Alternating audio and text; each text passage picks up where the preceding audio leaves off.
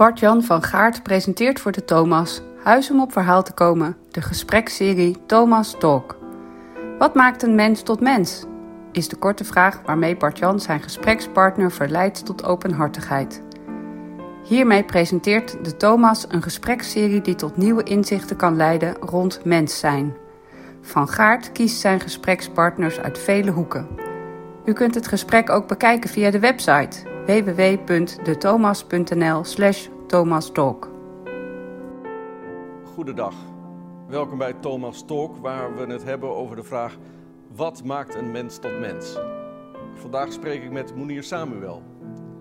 Mounir is auteur van onder andere dit boek met de titel Noodzakelijke gesprekken, 15 interviews over de grote vragen van deze tijd, waarin ook onze vraag naar menselijkheid pregnant aan bod komt. Naast auteur is Mounir journalist, theatermaker, tv-presentator, adviseur ter zake diversiteit. Welkom, Mounir. Welkom. Je boek Noodzakelijke Gesprekken is vorig jaar uitgekomen. Wat bewoog je tot het schrijven van dit boek? Nou, het stond in ieder geval niet op de planning. Het was eigenlijk een heel mooi geschenk dat uh, de coronacrisis me gaf. Uh, toen Rutte de eerste maatregel bekend maakte voordat de eerste semi-intelligente lockdown inging, namelijk dat er niet meer dan 100 mensen samen mochten komen, toen ging er eigenlijk direct een streep door alle werkzaamheden die gepland stonden, omdat al het werk dat voor mij voor 2020 op de plank lag, als freelance artiest en, en alles, met meer dan 100 mensen was. Bij grote theaterfestivals, een grote cabaretvoorstelling enzovoort. Uh, en de mensen zagen de bui al hangen. Dus binnen 24 uur waren niet alleen al mijn directe klussen afgezegd, maar ook potentiële klussen voor oktober, november, december. Dus het hele idee ook dat je opeens voor drie maanden zonder werk zat, was voor mij al effectief de rest van het jaar. En om mij heen, in mijn omgeving, zitten allemaal mensen die werken in de kunst- en cultuursector, of dat daaraan verwant is, of het nou artiesten zijn of programmamakers. Uh, of redacteuren bij musea bijvoorbeeld. Uh, en ik zag dat iedereen hals over kop iets op ging zetten. Dus ze gingen allemaal kinderboeken schrijven of op Instagram uh, livestreamen. Dus opeens, iedereen had zijn eigen talkshow op Instagram. En ik voelde dat God tegen mij zei: Wees stil en zit met mij en wacht. Dus ik praatte met vrienden via allerlei vormen van digitale uh, platforms, uh, Skype of WhatsApp, videocall of wat dan ook. En verder deed ik helemaal niks tot ieders verbazing. En mensen zeiden, je moet dit doen, je moet dat doen. En ik van, nee, ik moet echt goed voelen, wat heb ik in het midden van deze chaos te bieden? Uh, en laat mij nu niet haastig iets gaan doen om maar iets te doen. Ik denk niet dat dit de les is die ik hieruit moet halen. En die gesprekken die, waren dus heel frequent, want ik had alle vrijheid en tijd van de wereld, zoals eigenlijk iedereen om mij heen. Uh, afgezien van de ouders die opeens met kinderen thuis zaten, die hebben het echt heel pittig gehad. En die gesprekken waren zo bijzonder dat op een gegeven moment uh, acteur en zanger Maral Polat tegen mij zei, en ik gebruik gendervrije beroepsvormen. Monier, deze gesprekken moet je delen. Je stelt de juiste vragen. Omdat ik direct me afvroeg, oké, als we hier dan met z'n allen in zitten, wat moeten we leren? Wat zijn de kansen? Wat zijn de mogelijkheden? Wat doet deze vertraging met onze innerlijke reflectie en met onze reflectie op onze verschillende beroepsgroepen, of dat nou de zorg is of het onderwijs of overheid of wat dan ook. En wat broeit er in de samenleving? En dat bleek een hele hoop te zijn, gezien Black Lives Matter dat volgde en Evacuate Moria Now dat volgde en grote ramp in Beirut die volgde. En er was zoveel aan de hand. Uh, en eindelijk hadden we iets van tijd om daar ook bij stil te staan en niet weer langs te fietsen. Ik bedoel, George Floyd was niet de eerste of de laatste Afro-Amerikaan die overleed door politiegeweld. Nochtans was Tony Holte de eerste of de laatste zwarte Nederlander die overleed door politiegeweld. Maar we waren allemaal uitgenetflixt en dit is een hele harde kijk op de situatie. En hadden tijd, letterlijk tijd om overdag te demonstreren. Letterlijk tijd om er eens bij, langer bij stil te staan. In plaats van dat je agenda, zoals nu, helemaal volgeboekt is en je van uur tot uur tot uur al weet wat je moet doen en dus rent en vliegt. En die gesprekken, die ik in eerste instantie voor de Groene Digitaal op ging schrijven als lange long reads, interviews, dat werden uiteindelijk um, meerdere gesprekken. Uh, En uit, daaruit maakte ik een selectie van 15 personen die op allerlei intersecties en disciplines en generaties en levensbeschouwingen uh, voor mij een mooie representatie zijn van de samenleving anno nu. En die heb ik acht maanden gevolgd door acht maanden met hen te spreken. En als er dan even versoepelingen waren, dan ontmoet ik ze fysiek in een park bijvoorbeeld. En als het dan weer uh, vernauwd werd, dan was het weer digitaal of via de telefoon. En zo bleef ik doorpraten. In het eerste hoofdstuk van het boek ga je in gesprek met Nasmir Oral. Ik wil daar een stukje uit voorlezen. Ik denk dat zelfs als we een Nederland zouden hebben met alleen maar Nederlanders, lacht Nasmie terwijl ze nadrukkelijk aanhalingstekens in de lucht maakt, die allemaal blond haar en blauwe ogen hebben, heteroseksueel en cisman zijn en hoegenaamd aan de norm voldoen, we nog steeds in oorlog met de ander zouden zijn. Het is de mens eigen. De strijd met de ander heeft namelijk niet zoveel met xenofobie, racisme of homofobie te maken als wel met de menselijke natuur. Het mens zijn is een voortdurende staat van trauma. De uitdaging van het leven is om daarin zo vrij mogelijk te worden en zo min mogelijk te leven naar het driejarige of zesjarige kind dat ooit klappen heeft gekregen. Zijn mensen echt zo agressief van natuur en gericht op strijd en waaruit komt die gerichtheid voort? Nou ja, allereerst, het mogen duidelijk zijn dat Nasmeer dit zegt en niet ik. Ik, ik. dacht altijd dat ik heel hard was voor de samenleving. Maar toen sprak ik met Nasmeer dacht ik, nou, ik ben toch vrij zacht en optimistisch. Uh, tegelijk, als iemand voor mij ook weer liefde belichaamt, is het ook weer Nasmeer. Dus het is heel interessant. Uh, maar eigenlijk zit er heel veel zachtheid in deze woorden, in die zin dat ze zegt, als we nou eens voorbij al die lagen gaan, hè, van van terecht fenomenen als seksisme, racisme en homohaat. Ik zou het niet eens fobie noemen en transfobie, wat eigenlijk gewoon transontkenning is en, en al die termen die er zijn. Ik denk dat we moeten stoppen met ontkennen dat wij collectief in deze samenleving lijden aan bepaalde geestelijke ziektes, als dit soort vormen van uitsluiting en xenofobie. Dat als je in de kern, kern kijkt, het eigenlijk gaat om het eigen ongemak en de angst daar contact mee te maken. Dus bijvoorbeeld, er is een zwarte vrouw in de, in de Tweede Kamer niet nader te noemen. En zij is bijzonder intelligent en welbespraakt. En zij stelt aan de premier de vragen die wij allemaal hebben. Namelijk, hoe zit het nou met die immuniteit?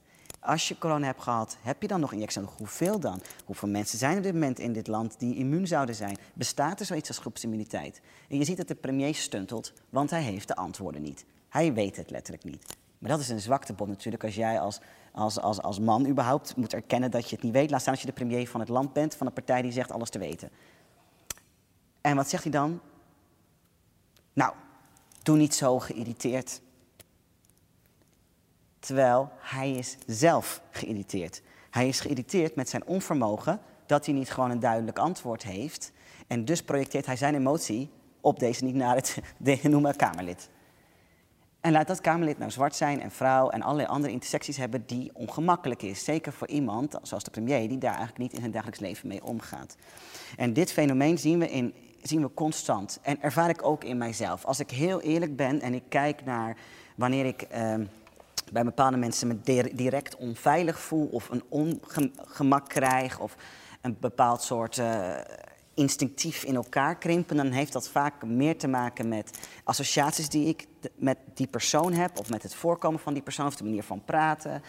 Uh, eerdere ervaringen, een, een, projectie dat die persoon mij niet zal begrijpen of mij zal uitsluiten of van alles van mij zal vinden. En dan krijg je dus een interactie die eigenlijk niet meer gaat om ik ontmoet jou en jij ontmoet mij. Ik ontmoet mijn projectie van jou en jij ontmoet jouw frustratie of jouw irritatie of ongemak bij mij. En die leg je bij mij. En ik denk dat de grootste uitdaging voor ons in deze tijd is, en daar roept Nashmir tot op, om echt, en dat, de coronacrisis bood eigenlijk die kans, en weinig mensen hebben die gegrepen, denk ik, om echt bij jezelf stil te staan en te zeggen, wat zegt dit over mij, wat moet ik nog helen? En dan kom je bij dat drie- en zesjarige kind dat gehoord wil worden, dat pijn heeft, dat zich verlaten voelt, dat zich onbegrepen voelt, en, en al die andere kleinere en grotere trauma's die, die we allemaal in ons meedragen, of we nou hele liefdevolle ouders hadden of niet. Um, en voor mijzelf probeer ik in ieder geval steeds vaker even stil te staan als ik een initiële reactie voel. En echt mezelf af te vragen: oké, wat deze persoon nu zegt, gaat dit echt over mij of gaat het over die persoon zelf? En kan ik het bij die persoon laten, ook al moet ik me ertoe verhouden? En wat ik nu zelf ervaar, waar moet ik nog sterker in worden? Want laten we heel eerlijk zijn. Als jij nu tegen mij gaat roepen, jij bent geen Nederlander, dan lach ik je gewoon vierkant uit. Want ik heb in mijzelf vrede gesloten met het feit dat ik een Nederlander ben. Ook al krijg ik nog wekelijks te horen, hier in Nederland lopen we op de stoep. Hier in Nederland, dat, dat, dat, waarmee eigenlijk iemand zegt, dit is niet jouw land. Ik moet jou vertellen hoe dit land werkt, hoewel ik hier geboren ben. Maar ik heb daar een vrede in en een zekerheid dat, uh, dat jij kan brullen wat je wil. Het raakt me niet. Maar er zijn andere dingen waar ik minder uh, geëikt in ben. Waar ik dus veel sensitiever ben op, op verwijten of opmerkingen of provocaties. Uh, kijk, het, ik zie bijvoorbeeld, ik heb bepaalde homoseksuele vrienden. Als je hen gay noemt of, of mietje, dan zeggen ze: Yes, girl, dat ben ik. En ze ownen dat. En dus is het geen scheldwoord voor hen, wat het ook nooit zou moeten zijn. Maar er zijn anderen die echt nog een pijn hebben en misschien ook een hele een, een, lange worsteling hebben gehad in het accepteren van henzelf in een samenleving die wel claimt dat het doen, maar dat feitelijk niet doet. En die dus echt of agressief worden, of in elkaar krimpen, of huilen, of een combinatie daarvan. En ik kan beide niet oordelen. Ik vind niet dat je hoeft te zeggen yes girl, en ik, hoef ook niet, ik vind ook niet dat je boos wordt, maar beide snap ik. En het, het zegt meer over waar jij zelf dan staat, net zoveel als het zegt over die ander, dat die blijkbaar de neiging voelt om met homo te moeten schelden of met een ander equivalent daarvan. Uh, en, en, dat is dat zelfonderzoek wat, uh, waar we eigenlijk als samenleving in zitten, maar niet in willen zitten. Die barsten die in ons zelfbeeld aan het komen zijn, omdat we zo langzamerhand niet kunnen ontkennen dat er misschien toch echt wel een genderkloof is in dit land. Of dat we misschien toch echt wat minder inclusief zijn dan we dachten. Of dat er toch wel meer racistische elementen in de taal en in de samenleving, in de studie zitten dan we willen toegeven. Maar dat raakt dan, ja, wie zijn wij dan eigenlijk? Oh, hmm, dat zelfbeeld, dat, komt, dat gaat wankelen. Dat is eng. In het interview met Martijn Kamphorst, chefredacteur van het queer lifestyle magazine Wink, las ik dat in asielzoekerscentra gay dating en cruising app Grindr en ook porno is afgesloten. Betekent dit dat men bij het COA homofoob is of zit er een ander motief achter? Nou ja, het feit dat je wel op uh, Tinder mag of Happen of andere apps is in ieder geval een discriminatie of voorkeursbehandeling voor heteroseksuele asielzoekers. Um, of mensen in afwachting van hun status. Maar het sterke vermoeden is dat er een, een politiek motief achter ligt. Als je een, eh, een, een roze, HBT, whatever, een van de letters of meerdere letters, vluchteling bent in Nederland, moet je, kan je in aanmerking komen voor een speciaal asiel, hè, verblijfsvergunning. Ook uit landen die verder geen uh, status hebben als zodanig. Uh, omdat ze veilig zijn verklaard op basis van: oké, jij bent misschien een, een, een, persoon die vlucht soms geaardheid of genderoriëntatie. Maar dat moet je wel kunnen aantonen. En hoe bewijs je in vredesnaam dat je homoseksueel bent? Dus de COA heeft een hele hoge bewijslast uh, waarbij je tot en met uh, seksueel getinte afbeeldingen, hele chats, bewijs dat je seks hebt gehad met mannen. Dus je, zou maar eens wat meer monogaam type zijn. dating, chat, gesprekken moet voorleggen en al dat meer. En laat die bewijslast nou een stuk lastiger zijn als het afgesloten is in jouw, op jouw verblijfsplek. Want je, mag, moet niet alleen bewijslast kunnen geven van jouw tijd nog in het land van herkomst, maar ook in de eerste zes maanden na aankomst in Nederland. Dus eigenlijk worden mensen ook gedwongen om hyperseksueel te zijn en van alles aan te gaan om maar aan te tonen dat ze homoseksueel zijn. En dit is al een stuk lastiger voor lesbische vrouwen. Want hoe bewijs je in vredesnaam dat je lesbisch bent? Daar is, een, daar is veel minder cruising mogelijkheden voor of uh, zeer uitgesproken apps. Dat is nooit echt van de grond gekomen voor vrouwen op die manier. En aantonen dat je transgender bent is natuurlijk al helemaal complex wanneer je nog geen fysieke transitie hebt kunnen doorgaan. Uh, en ik begrijp deels wel dat er wordt gezegd, ja, heel veel mensen zeggen dat ze homo zijn, maar zijn dat niet. Alleen ik vind toch dat je, dat je het niet bent tot je tegendeel bewijst, een hele problematische gedachtegang. En ik vind dit dus, dit soort rare beslissingen, waar, waarbij je eigenlijk dus moralistisch ook bent en zegt, jij mag geen porno kijken, jij mag niet uh, daten het is op zijn minst discriminatie en op zijn ergst eigenlijk een manier om het asielproces te ondermijnen. Maar dit is mijn persoonlijke uitspraak. In een ander hoofdstuk spreek je met Joost Reuselaars, dominee bij de buurgemeente van deze Thomas, Vrijburg. Niet zelden relateren theologen de vraag naar de mens en zijn menselijkheid aan de vraag naar God. Jij vraagt Reuselaars, wie is God? Hij antwoordt, God is de grond van het bestaan en het christendom gaat uiteindelijk echter niet om normen en waarden, maar om de grond die wij ervaren, juist ook in de kwetsbaarheid en bij de dood. Jij brengt dan in dat de Joden Gods naam terugbrachten tot de naam die niet genoemd mag worden. Maar die naam kennen we natuurlijk wel. Ik zal er zijn. Is die Bijbelse God nou juist niet de bron bij uitstek van normen en waarden? Nee, ik geloof niet dat God bij uitstek de God is van de normen en waarden. Ik denk dat de grootste misvatting is. Net zoals dat mensen denken, ik leef toch goed, dus waar heb ik God voor nodig? Of zie je, God is in mij, want ik leef goed. Of een combinatie daarvan. Net wat jij net ook zegt over ik zal er zijn of ik ben. Een van mijn favoriete bijbelteksten is ook, als ik goed zeg, uit Efeze, maar corrigeer me als ik het verkeerd zeg. In, in hem of in die, in God ben ik, beweeg ik en heb ik mijn zijn. Uh, en dat is een soort constant ademen, net zoals God bij Adam en Eva letterlijk bij Adam de adem inblies. In de islam heet dat ook de roh. En vanuit die transformerende Heilige Geest komt een verandering van wezen, een nieuwe natuur. Dus ook wordt gezegd, leg de oude natuur af en doe een nieuwe natuur aan. Maar dat is niet een set aan regels. Want wat ook voor jou goed kan zijn of aanbevelenswaardig, is dat wellicht niet voor mij of andersom. En wat voor jou, natuurlijk is, kan voor mij tegennatuurlijk zijn. Maar ik geloof in die constante openbaring en die, wat ze in het Engels zeggen, die conviction of your spirit, die, die hint bijna van, wat duwt je in je hart van, hé, hey, dit is niet goed voor jou. Schat, wees lief voor haar. Wees lief voor jezelf. Ga weg daar. Zeg dat toch niet. Waarom heb je dit nu gedaan? Waarom heb je dat niet gegeven? Ik vroeg je toch, ga daarheen. Vertrouw mij. En dat leidt wel degelijk tot diepe waarden en normen. Maar ik denk dat de grootste fout die wij kunnen doen, is God vangen in een set aan regels. Daarmee doen we God tekort en de mens. Daarom zat Jezus ook altijd te ageren tegen die sabbatsrust en die compleet doorgeslagen sabbatscultuur, waarbij je nog geen graankorrel mocht oppikken of in je hand mocht wrijven, want dan had je de sabbat overtreden. En Jezus zegt ook, de wet is er voor de mens en niet de mens voor de wet.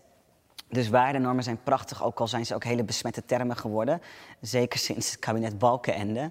Uh, en voor mij gaat het om die echte relatie met God en dat wat dan gebeurt. Net zoals dat je verliefd bent op een persoon, dan wil je alles voor die persoon doen. En dat vereist geen moeite. Niemand hoeft het je te vragen. Je hebt geen sette regels van ik als ik verliefd ben doe ik dit, dit, dit, dit, zus en zo. Dit zijn mijn waarden en normen als verliefd persoon. Je doet het. En als wij vol zijn van Gods liefde, dan bewegen we uit die liefde met falen, met vallen en opstaan. In de imperfectie zit Gods grootheid, niet in ik ben perfect, dan zou ik God zelf zijn. Had ik God ook niet nodig en dan was het kruis overbodig. Uh, dus voor mij is dat, dat, dat diepe staat van zijn, waar ik het met uh, Joost over had. Dat was de verbinding ook die wij samen hadden, omdat het de gezamenlijke grond was. Want verder verschillen Joost en ik heel erg van elkaar qua uh, theologie en visie op God en Jezus. Maar als het gaat om die grond van het bestaan, dan vinden we elkaar volledig. Mooi vond ik de opmerking van Reuselaars als we kunnen leven vanuit ik ben en het ik ben van de ander kunnen erkennen, dan zijn wij. Je zou zodoende kunnen zeggen dat de erkenning van de existentie van de ander en, denk ik, de verbinding aangaan met de ander ons tot mens maakt. Hoe denk jij daarover? Ik vond het een hele mooie gedachte als je het hebt, er zit een soort lijn in het boek, hè, onbewust. Het was niet mijn planning. Ik ging gewoon die gesprekken voeren. Maar eigenlijk, als je alle gesprekken samenvat, zitten er een aantal hele duidelijke rode draden in. We moeten veel meer vragen gaan stellen en andere vragen gaan stellen, bijvoorbeeld. Uh, deze tijd heeft echt nodig dat we radicale keuzes gaan maken. Is ook een duidelijke rode draad wat voor thema we het ook behandelen. Of het nou geestelijke gezondheid is, of onderwijs of zorg. Maar een andere is, laat mij zijn. Bijna een vraag, mag ik gewoon zijn wie ik ben? Als je goed kijkt, Weet je wel, mag ik als vrouw gewoon in de politiek zijn zonder dat het constant een issue is? Mag ik als Marokkaans-Nederlandse ingenieur zijn zonder dat dat zo merkwaardig is? Uh, mag ik uh, als Egyptische Nederlander, eerste generatie student op een universiteit, gewoon daar het allemaal onwennig vinden, want ik kom niet uit een familie waar iedereen al jaren naar universiteiten gaat. Uh, en mag ik moslim zijn zonder dat dat bevraagd wordt? Mag ik transgender zijn zonder dat dat mij uitzonderlijk maakt of een fenomeen van een verschijnsel? Mag ik zwart zijn zonder dat dit mij de definieert? Mag ik mijn meertaligheid vieren? Mag ik hier zijn en gewoon mens genoeg zijn? Of moet mijn bestaan hier in Nederland constant worden bevraagd? Nou, dat, is, echt een grote vraag in die eigenlijk iedereen een andere vorm stelt. Maar ook mag ik depressief zijn? Mag daar begrip voor zijn? Mag... En ik denk dat wanneer we zeggen je bent en je bent genoeg en je bent het waard. Je hoeft niks te doen om genade te verdienen. Je hoeft niks te doen om het Nederlanderschap te mogen verdienen. Dat heeft namelijk iemand die hier geboren is uit witte ouders ook niet hoeven doen. Die is gewoon Nederlander de facto bij geboorte, wat hij verder ook van dienstleven maakt. Uh, en ik zelf merk dat ik mezelf ook constant dat moet zeggen. Gisteravond nog, ik ben genoeg. Ik hoef niet te vechten. Ik hoef niet mijn bestaan te bewijzen. Ik hoef niets te doen om te mogen zijn. Ik ben al. En als ik mezelf die rust en genade kan geven en de ander, dan kun je samen gewoon zijn. Hoef je ook niks meer te zeggen. Hoef je, dan mag je overal over praten, maar het hoeft niet. Het, het simpelweg zijn is genoeg. Dan hoef je ook niet meer je waarde te bewijzen of te laten zien waarom jij er ook mag zijn. Want je bent al, ik ben al, samen zijn wij. En wat gaan we nu samen doen? Het zou heel veel spanning, denk ik, wegnemen en ons helpen om weer naast elkaar te staan in plaats van zo tegenover elkaar in een soort loopgravenoorlog. In het gesprek met cultureel antropoloog en artiest Sishani Franks doe je een opvallende en naar het mij voorkomt jouw typerende ontboezeming. En ik citeer weer. De zoektocht naar identiteit, gender en betekenis voorbij een constante druk tot zichtbaarheid die Sishani als artiest ervaart, is één van onze vele raakvlakken. De bijzondere gesprekken zijn regelmatig een ongemakkelijk feest van herkenning. Want hoewel ik mijzelf zonder twijfel als man definieer, beschouw ik mijn feminiteit als de kroon op mijn masculiniteit. Dit maakt mij niet minder man, hoogstens geeft het de mannelijke definitie een nieuwe betekenis. Daar lijken velen echter anders over te denken. Ik ben de tel kwijt hoe vaak collega's, vrienden, opdrachtgevers, medisch personeel, familieleden of volstrekt onbekenden ongevraagd en ongewenst opmerkten dat hoe ik loop, zit, praat, beweeg, voel, liefheb, denk, niet mannelijk is. Of dat als ik man wil zijn toch echt een sixpack moet kweken, met mijn benen uit elkaar moet zitten, vrouwen moet dissen, trager moet spreken, mijn handen stil moet houden, mijn baard moet laten staan, van me af moet slaan, juist minder van me af moet bijten, minder empathisch zou moeten zijn, geen kwetsbaarheid moet tonen en vooral geen enkele ruimte tot enige twijfel of verwarring moet toelaten. Het citaat verraadt ongemak met de reacties op jou, je zijn, je identiteit van anderen. Ik zie dat ongemak ook in je andere werk en je uitingen op sociale media. Als homoseksuele man herken ik dat ongemak ook wel, al moet ik mij gelukkig prijzen dat ik er niet heel vaak mee geconfronteerd word. Maar goed, de oprechte wil hebbend om mij niet te voegen in het uh, koor van degene die jou ongemakkelijk doen voelen, heb ik toch soms ook wel enige schroom in het gesprek met jou om niet het verkeerde te zeggen.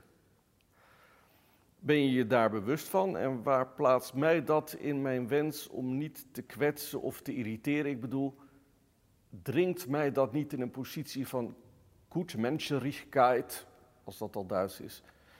Is er een uitweg?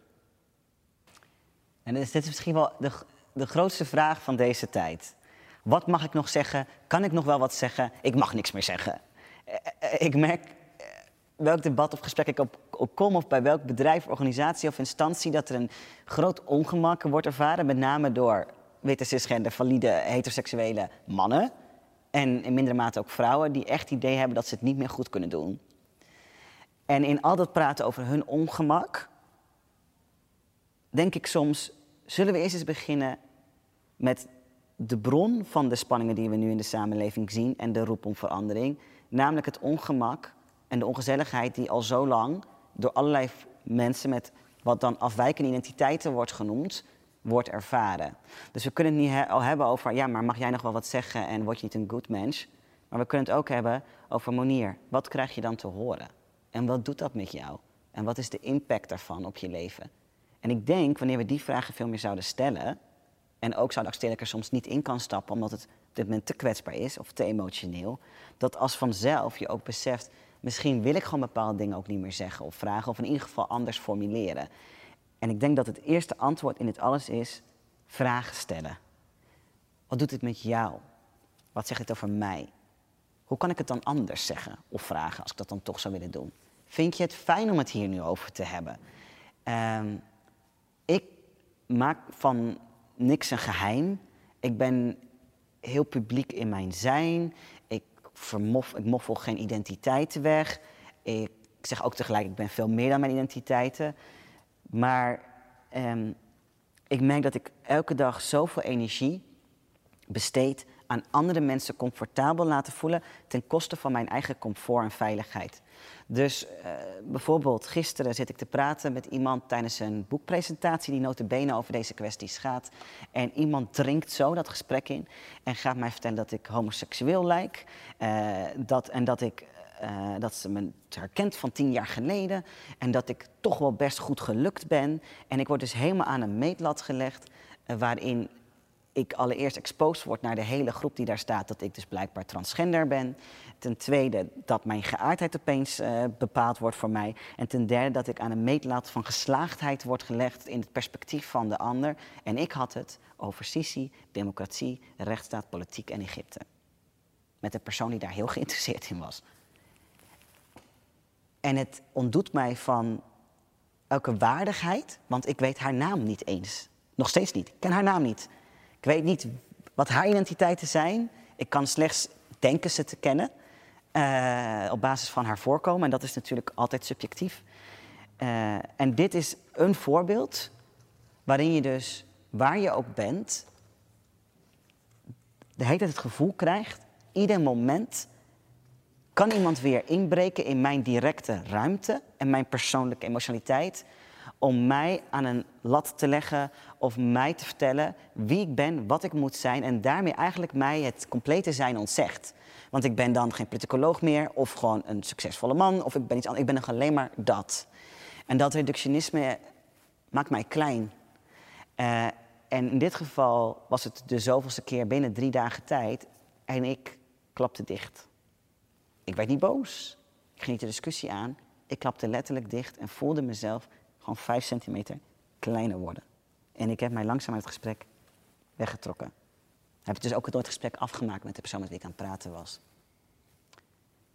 En dan zou misschien, als ik wel op dat moment de kracht had gehad te zeggen: Ik vind dit niet fijn, whatever, had waarschijnlijk op basis van de eerdere reacties ik een reactie van deze vrouw gekregen in de trant van: Nou, ik probeer alleen maar aardig te zijn of ik probeer je gewoon een compliment te maken. Maar heb ik gevraagd om dit compliment is dit voor mij een compliment? Zou zij reageren met: Oh, ik zie dat je nu stil wordt en kleiner wordt. Heb ik het misschien niet handig uitgedrukt of vind je dit niet fijn? Dan had ik, heel, had ik alsnog met haar, ook gisteren, ook in de staat waarin ik me was, het gesprek heel graag gevoerd en haar uitgelegd waarom dit voor mij eigenlijk heel pijnlijk is. Maar de reactie ligt vaak bij defensief. En dan moet je dan zeggen, nee, nee, ik snap het ook wel dat je het goed bedoelt. En zo ben je de hele tijd anderen aan het appeasen. En dat is draining. En ik geloof dat op dit moment heel veel mensen, met name van kleur of die moslim zijn en of queer zijn en of nou ja, een ander set aan identiteiten hebben uh, dan wat door de meerderheid als de meerderheidsnorm gezien wordt, uh, dat die zo moe zijn en zo geraakt zijn dat ze deels imploderen met een burn-out thuis zitten of met depressieve klachten zonder dat het precies duidelijk is waarom. Of enorm gefrustreerd en boos, omdat boos nu eenmaal een veiligere makkelijkere emotie is en een initiëlere emotie dan dat daadwerkelijke verdriet of de onzekerheid die erdoor ontstaat. Of simpelweg namp en afgestompt of constant self-depicting, dus zelfkwetsende humor gebruiken als een soort mechanisme. En we zijn maar de hele tijd Nee, het is oké, je mag het zeggen. Ja, ik snap dat je het ongemakkelijk vindt. Ja, maar je moet ook alles kunnen vragen. Nee, ik denk dat we moeten gaan accepteren dat we niet alles kunnen vragen. En niet alles hoeven te vragen. En dat het sowieso begint bij een vraag en niet bij een statement. Dus niet jij bent dit, maar hey, is het oké als ik je nu vraag of word jij er blij van als ik je vertel dat ik je transitie heel goed gelukt vind? Dan zou ik al zeggen, wat is goed gelukt? Goed, gelukt voor wie? Ik was zo'n man. Dat jij dat niet kon zien of accepteren, ligt bij jou. En uh, ik snap dat dit hele moeilijke gesprekken zijn. We komen weer een beetje terug aan het begin van dat op jezelf reflecteren. Maar ik hoop dat we wel naar een waardegerichte manier van praten gaan, waarin we onszelf vragen stellen: wat wil ik eigenlijk overbrengen? Wat voor sfeer wil ik hier creëren? En ook vanuit het idee van coming out. Iedereen moet maar uit de kast komen. En oh, wee je gebeente als je niet uit de kast komt als homoseksueel persoon. Nou, kunnen we eens misschien collectief uit de kast komen dat we allemaal seksueel zijn en daar worstelingen mee hebben. En als er iemand uit de kast komt, moet het dan direct gaan over hoe het voor de ouders was? Of kan het eens gaan om hoe het voor die persoon zelf is? Want dat vind ik ook wel zo fascinerend. Het moet altijd gaan over wat vonden die ouders ervan? En wat vond je partner ervan? En wat vinden je vrienden ervan? Het gaat nooit om die persoon zelf. Dus we blijven in ons verplaatsen in de heteroseksuele norm, of de cisgender norm, of de witte norm, of de whatever, hè, de mensen met een valide uh, gezondheidsnorm. Uh, dat zie ik ook, want wanneer ik dan de moeite neem om uit te leggen waarom bijvoorbeeld bepaalde transgender gerelateerde opmerkingen voor mij heel pijnlijk zijn, dat ook mijn beste vrienden direct schieten in verdediging van die ander. Waarom? Omdat ze zich herkennen in de verbazing, verwondering, angst van die ander, omdat zij zelf ook cisgender zijn. Ik heb geen hele transgemeenschap om me heen, whatever een gemeenschap ook is. Ik ga om met allemaal mensen die niet transgender zijn. Uh, en dat vind ik ook heel prettig. Ik ga ook mensen om van andere kleuren, andere godsdiensten dan. Ik, ik zou nooit in een like-minded bubbel willen zitten. In mijn boek probeer ik juist ook mensen op te zoeken die echt een heel andere zienswijze hebben of andere politieke oriëntatie, voorkeur. En dat scherpt mijn denken en dat scherpt hun denken hopelijk. En dan samen scherp je elkaar, zoals in spreuken staat. En uh, die vraag van jou, van mij zou die moeten beginnen met wat doet het met jou? En niet weer met je eigen ongemak. En daarna kunnen we het dan hebben over, nou, voor mij doet het dit en dit. En het, zijn, het heeft deze effecten op mijn leven, op mijn werk, op mijn relaties, op mijn zelfbeeld. En dat je dan zegt, oké, ja, ja, ik merk dat ik je dit en dit wil vragen, maar ik dat eigenlijk best wel lastig vind. En dan heb je een gesprek op basis van gelijkwaardigheid. Want nu is het ook, ik mag vragen wat ik wil. Jij zegt, ja, maar dat vind ik eigenlijk niet fijn. Oh, ik mag niks meer vragen. Nee, nee, nee, je mag alles vragen, alleen ik. En het is, het is niet gelijkwaardig. En we moeten echt zorgen dat we een soort gelijkwaardig speelveld krijgen waarin iedereen op tafel mag leggen wat hij wil leggen, maar ook niet. Want als je niet uit de kast wil komen, dan kom je niet uit de kast. Laat eerst maar al die haters uit de kast komen. En niet alleen als hetero, maar ook precies wat ze doen in bed. En wat hun moeder en vader daar eigenlijk van vindt. Of vader, vader, moeder, moeder. Hè? Stel je voor dat je eens een keer een ander soort gezinssamenstelling zou hebben. En eh, eh, dit, dit vraagt echt een stap achteruit en dan met z'n allen een stap vooruit. Maar niet, een, e, niet de een die altijd maar. Oh, je bent gevlucht. Hmm. Ja, Iran. Iran, ja, dat is zwaar, hè? Ja. Nou, dan ben ondertussen al 30 jaar hier.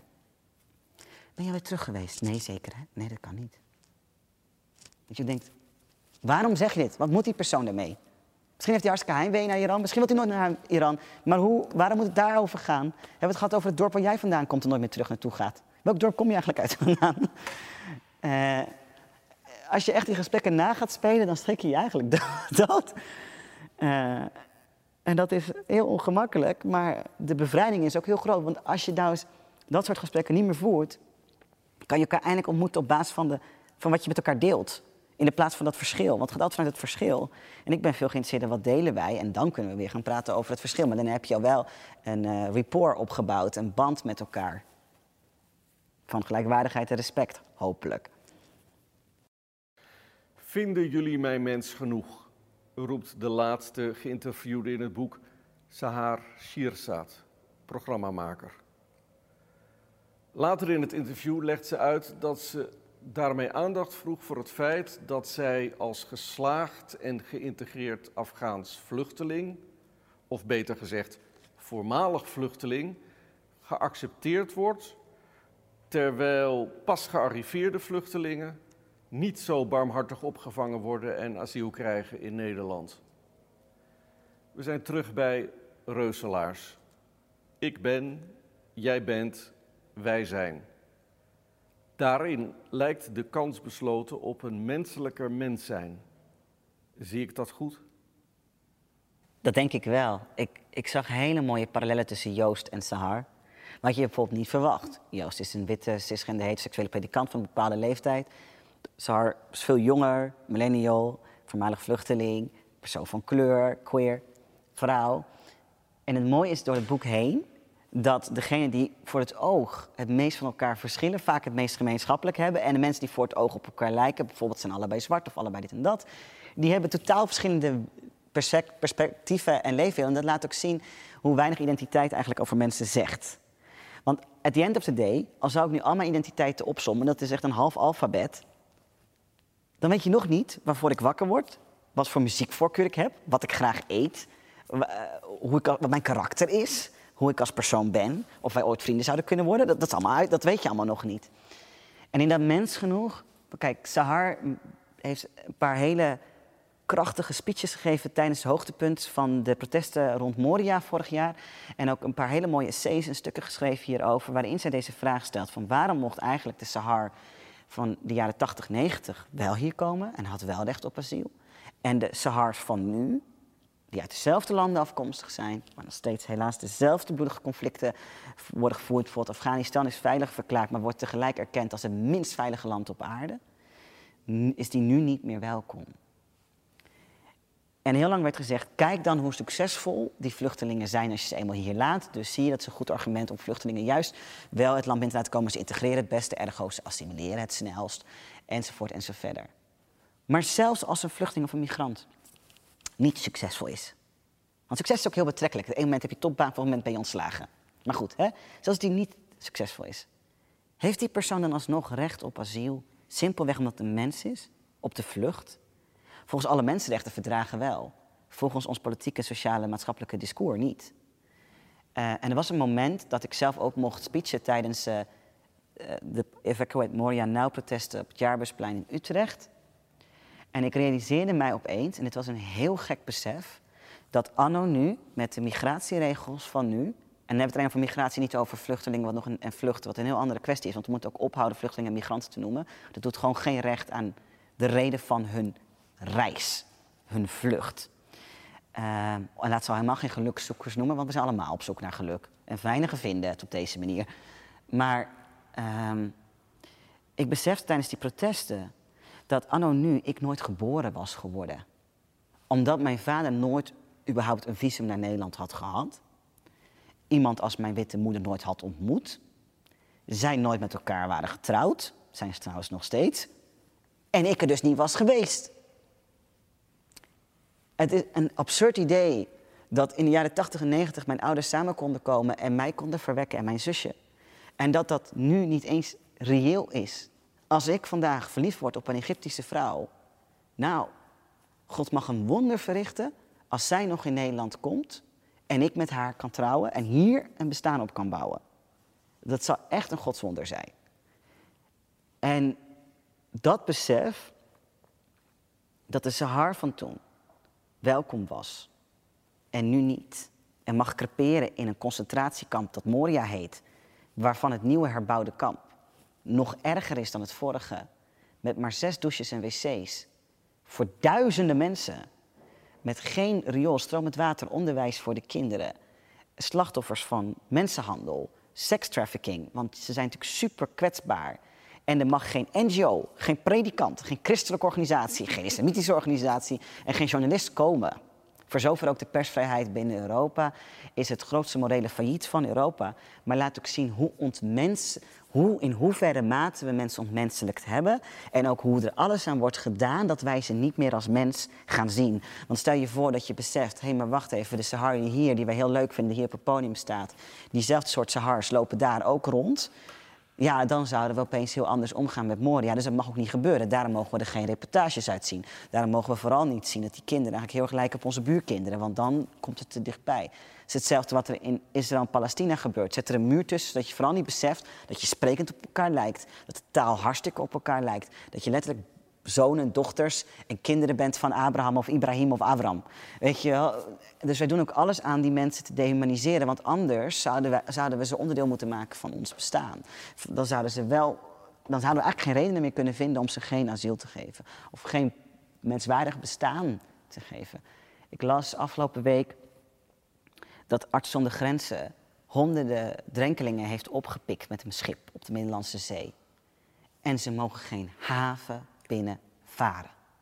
Die mensen hebben acuut hulp nodig en geen haven. Ook onze eigen Rotterdamse haven zegt niet, kom hierheen. Wij geven eerste hulp. Ik heb het niet eens over asiel. Ik heb het over eerste hulp. En dat kan alleen als je mensen zo ver demoniseert. En wij weten in Europa wat het betekent als je mensen demoniseert. Want zo kon de holocaust plaatsvinden. Omdat we van de Jood zo'n vreemd, onmenselijk, onmenswaardig bestaan, vorm hadden gemaakt. Dat we ze letterlijk konden vergassen. En dan zeggen we nooit meer Auschwitz. En dan hebben we hele mooie herdenkingen met 4 mei die ik zeer belangrijk vind. En we doen en blijven exact hetzelfde doen. We hebben nu de moslim, de vluchteling, de persoon van kleur, de queerpersoon zo gedemoniseerd dat we ze geen eens meer eerste hulp hoeven te geven of een aanlegplek, een aanmeerplek. En, en dat, dat, breekt, dat breekt mijn hart. Letterlijk, ik word er gewoon emotioneel van. Ik snap niet wat er nog nodig is. Ik snap niet wat er nog moet gebeuren als een pandemie het niet doet. Als een gigantische klimaatverandering het niet doet, wat niemand kan ontkennen. Want de ene seconde bevriezen we nog in juni en de volgende seconde is het bloedheet. Als, als de, als de beelden van, van drenkelingen op zee het niet meer doen. Ik weet niet wat er nog nodig is. Ik snap niet. En als de toeslagenaffaire. Wat is er nog nodig voor ons om te beseffen dat we echt voorbij onszelf moeten kijken? Omdat uiteindelijk, nu zijn die mensen het niet waard. Straks ben jij het niet waard. Het is ook echt niet zo dat dat ophoudt. Morgen zijn misschien alle christenen of alle hetero's in de gevarenzone. Ik bedoel, wat dat betreft vinden we ook iedere keer een andere groep en een andere persoon om, om, om het leven niet waar te zijn. Dus het is, het is ook zo stupide. Als ik dan, als ik dan bijvoorbeeld hoor dat witte homoseksuele mannen op Forum of PVV stemmen, uit angst voor de islamisering van Nederland die hun homoseksualiteit in de weg zou zitten. Dan denk ik allereerst, nou, er zijn genoeg islamitische homo's, maar, maar dat even terzijde. Snap je dan niet dat deze partijen jou verachten. Dat ze homofoob zijn, zo niet homohaters. Dat ze nooit voor iets hebben gestemd wat enigszins bevorderlijk voor jou is als homoseksueel persoon. En dat jij de volgende bent. Nadat ze klaar zijn met de moslims, dan ben jij de volgende. Queers zijn altijd de eerste en de laatste die worden gepakt. En, en, en, dat, dat korte maakt ons letterlijk kapot en ziek. Maakt deze aarde ziek. Heeft geleid tot een pandemie als corona. Het is allemaal korte termijn denken. Moenier, dankjewel voor dit gesprek. Dan heb je me toch nog aan het huilen gekregen, sukkel. Dat laatste mag je knippen, of niet?